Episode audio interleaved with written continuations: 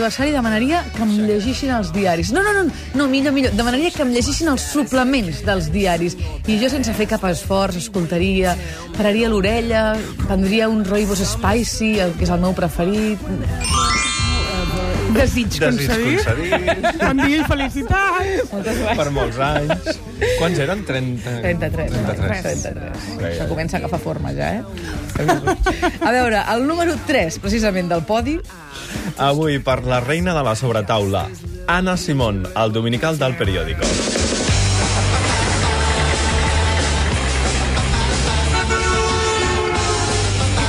Fins que va arribar ella, escriu Rubén Romero, a les tardes a Espanya, esclar, eren una àrea privada del groguisme cridaner i la xafarderia. El programa d'humor Tonteries les Justes i aquesta catalana han obrat el miracle. Anna Simón va deixar el programa divendres de TV3 per anar-se'n a 4. Diu que hi tenia poc a perdre. Explica. Teníem un dossier amb tots els programes que havien fracassat a la sobretaula, inclòs La Jaula Antena 3, que havia presentat jo. I ara és una de les dones espanyoles més seguides a Twitter, 132.000 followers, i té mèrit perquè l'alimenta poc. El programa s'acaba aquesta temporada i el rumor diu que potser l'equip de Florentino Fernández fitxa pel canal Neox i el programa es dirà La hora de los tontacos. Ella, però, està acostumada als canvis i a la vida televisiva que et fa aparèixer i desaparèixer. en el número 2 d'aquest podi. Rodamons famosos acostumats a viatjar expliquen avui al País Semanal on passaran les vacances aquest estiu. La primera que parla és la cantant, la sentíem ahir, de Russian Red.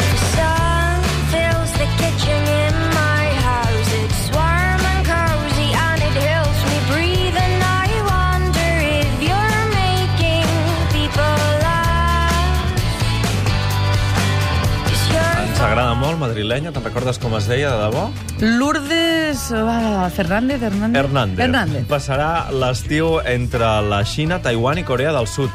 És la gira que els espera els Russian Red per promocionar el seu segon disc, que a més han gravat a Escòcia, o sigui que han viatjat bastant. El consell que ens dona la Lourdes és que no val la pena estressar-se per allò que s'ha de veure.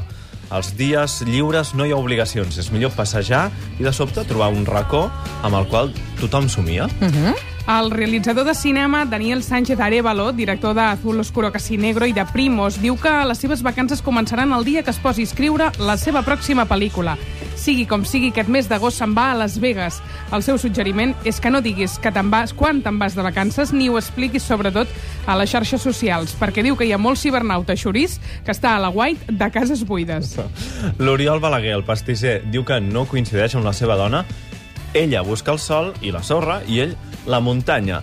El seu racó on s'escapa durant tot l'any és la Vall d'Aran, però al mes d'agost ha decidit fer una concessió matrimonial, diguem-ne, i se'n va a Menorca i a Cádiz. Diu que les vacances són una font infinita d'inspiració, que trencar la rutina, segurament estar tranquil també i canviar d'hàbits per uns dies permet mirar les coses amb uns altres ulls, somiar, deixar-se portar i en el cas d'ell, que és un creador, explica que a l'estiu li venen al cap moltes idees que després du a terme al seu obrador durant tot l'any. I unes últimes vacances, les del director de Metges Sense Fronteres, Aitor Zabalgoe... Eh, Com? És complicat. Zabalgojeazcoa, el director de Metges Sense. Fronteres, no. Sí, ho ha dit bé, ho ha dit bé. Eh? Ara ho he llegit a poc a poc, ja és veritat, eh? Zabalgogeazcoa. Ell reconeix que s'allotja a cases d'amics i familiars, una tendència que l'any passat, per cert, va augmentar. A l'estat espanyol un 10%. Aquest estiu diu que vindrà a la costa catalana i després El que va Burgos augmentar? i Anar-se'n Getxo. a casa de- de Gorrejar. familiar. Gorrejar va augmentar un 10% l'any passat. I el director de Metges Sense Fronteres ho fa si ho fa ell, endavant. Diu que en els tres casos, a la costa, a Burgos i a Getxo, hi anirà de gorra i no pagarà hotels. Aconsella portar lleugera la maleta i literatura de viatges en comptes de guies. No us preguntaré on aneu vosaltres de vacances, perquè de fet No encara se no sap, sabeu no ni se si sap, aneu no de sap, no se vacances. El número 1 del podi. Me gustas democracia porque estás como ausente con tu disfraz parlamentario. Avui el Presència fa un recull de frases a través de les fotos de les pancartes que hem vist aquests dies a plaça Catalunya de Barcelona, per exemple, dels indignats. Algunes. La, la, crec que la número 1 és No hay pan para tanto chorizo. Una altra. Sense unió no hi ha revolució. Encara somiem. Tots els polítics estan fets de la mateixa pasta. Després de la intervenció a plaça Catalunya, el que s'ha de netejar no és aquesta plaça, són els polítics. Un altre, Real Power People. Oh, you may say I'm a dreamer, but I'm not the only one. Lletra d'imatge, no en anglès. Per això, avui preguntem.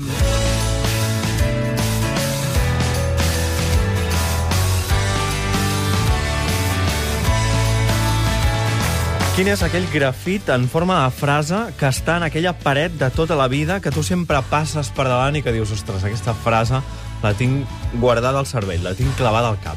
S'accepten grafits a les parets, pancartes permanents en un balcó, en un túnel subterrani per accedir a la platja, en un parc, en una autopista. Aquella frase que hi és de tota la vida, que està forma part pràcticament del paisatge que recorres segurament habitualment en el teu territori. No teniu per què estar-hi d'acord. És només aquella, aquella frase que us trobeu constantment en el camí cap a casa, cap a la feina, cap al gimnàs, un recorregut quotidià que feu en el vostre dia a dia.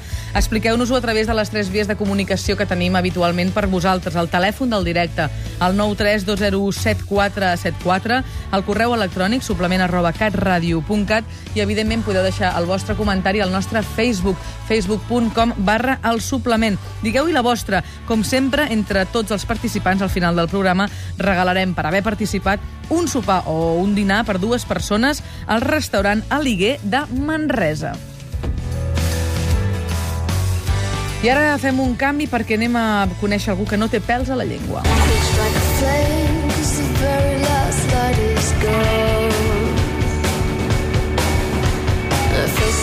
flame, aquesta que sentim la cantant londinenca Anna Calvi, l'entrevista en el País Semanal. Les primeres preguntes no aixequen sospites, mm, com li va l'èxit, per exemple, perquè Brian Eno, Nick Cave o PJ Harvey eh, van pel món recomanant-la, tot normal, fins que a l'última pregunta l'entrevistadora li diu hi ha alguna cosa que li agradi menys que ser entrevistada? Vaya bon rotllet, no?, que hi havia a l'entrevista.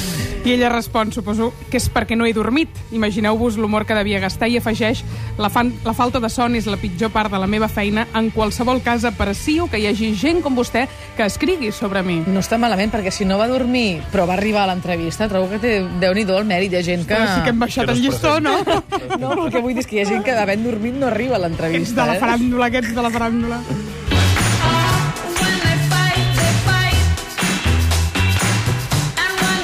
I mirant i remirant els suplements d'aquest diumenge, què és el que ens ha sorprès? Eva Méndez, l'actriu que té segurament més calculada que ningú la seva imatge i que mai no s'ha sentit una dona objecte, diu de jove volia ser monja. Va ser la meva primera ambició. Eva Méndez, monja, només li faltava això. O sigui, si ja agrada, sobretot al sector masculí de la població, a un cert sector masculí de la població, només li faltava ser monja. Trobo que encara... No? I diu, va ser la meva primera ambició. Estàs- Va, No, va ambicionar ser monja. Ja amb 33 anys. La foto del dia. Pàgina 70 del País Semanal són quatre fotos de la cara d'una do- noia tenint un orgasme. Eh? I, E, I, O, U, amb totes les cares que això suposa. Això, aquesta és la foto. Perquè ja- ens estàs dient que hi ha gent que és més de E, I gent que és més I hi de ha A. que és més de- Aquesta home, hauria la ser la foto. pregunta del dia. Hi ha la foto, Saps quina hi ha- lletra ets tu quan tens un? Oh! És que es veuen les, ca les boques, clar, es veu la forma de la boca. Són quatre fotos i perquè la gent ens entengui... Ah, eh... Algú fa I? Oh, i? Algú fa I en aquesta taula? Jo crec que David Balaguer. Preguntem-li després. Li preguntarem així, descontextualitzat. Eh? David, tu fas I? A veure si ho he entès. Què hem descobert?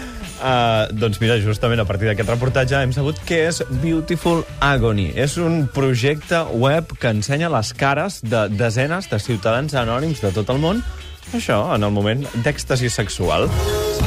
Si us interessa el tema, Home, perdona, per veure, trobo que és molt interessant. aneu anotant, o per penjar la teva foto, eh? beautifulagony.com. I hem entrat, advertim que es poden veure 6 minuts de gemec per vídeo i i, i només això, vull dir, t'has de registrar per veure-ho per veure sencer. Hi ha demos gratuïtes i hi ha gent sola davant de la càmera, parelles també, beautifulagony.com expliquen que està dedicat a la bellesa dels orgasmes humans. Jo proposo que aquestes imatges siguin els avatars de la gent de Twitter.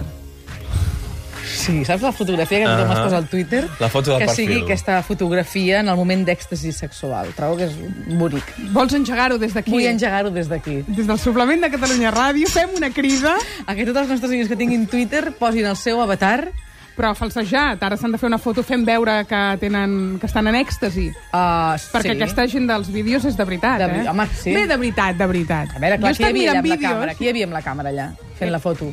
No, em diguis no. que se'l feien ells mateixos? Sí, és una mica... Ai, encara és 21 més dies. Sí? Però, però molt ben fet, eh? Ah, la, la, el web i els vídeos són de molta qualitat. És bonic, eh? 6 minuts per persona només podem veure. Vull dir que no et pensis que allà et Déu-n'hi-do, sis passarà... minuts. que et Sis minuts si et registres. Moment, sis tot- minuts tota Si no et registres, si, si remenes molt com jo, he trobat demos. Pensava que eren 6 minuts la, un vídeo. No. Un vídeo, un vídeo de 6 minuts, gemegant, amb èxtasi, una parella o una persona sola. Pa, pa, parem, aturem-nos de parlar d'èxtasi ja. La dona més vella dels suplements d'avui, qui és? És Hilary Swank, l'entrevista en el Dominical del periòdico, sense paraules. L'home més vell? El doctor House, a la pàgina 20 del magazín de La Vanguardia, l'irresistible doctor torna a demostrar la seva polifacètica personalitat perquè després de ser un dels actors més ben pagats a la televisió, un dia vam dir el que cobrava, no, ja no ho recordo, perquè no es poden Sembla memoritzar aquestes com xifres, tu, però és una menys, eh? Potser poc més, però Sí, una mica una mica més, una mica més. I, i ara uh, ha fet una novel·la i ara treu un disc que es diu Let Them Talk. Uh, és així com es diu, està rebent molts elogis. Molt bé. They tried to break up our romance.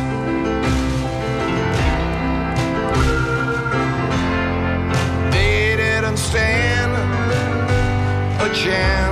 Bé, És no? Doctor House, aquest, eh? Tu que saps cantar, què? Va, Jo no sé una, cantar, una primera valoració. A veure. We have the kind of love that's so strong. M'agrada molt, i el Pere Tapis està fent que, que, home, que no li arriba la sola de sabat amb ell, però que déu-n'hi-do, que funciona. M'agrada molt. A més, m'agrada molt saber que és ell, també. Ja, ja, és que encara es fa més gran el geni, eh? Sí. Ho fa tot bé, aquest tio. Està agradant molt més que la, que la sèrie, mira què et dic, eh? Has mirat si a beautifulagony.com Doctor House. Vinga, va, nois, anem al basar.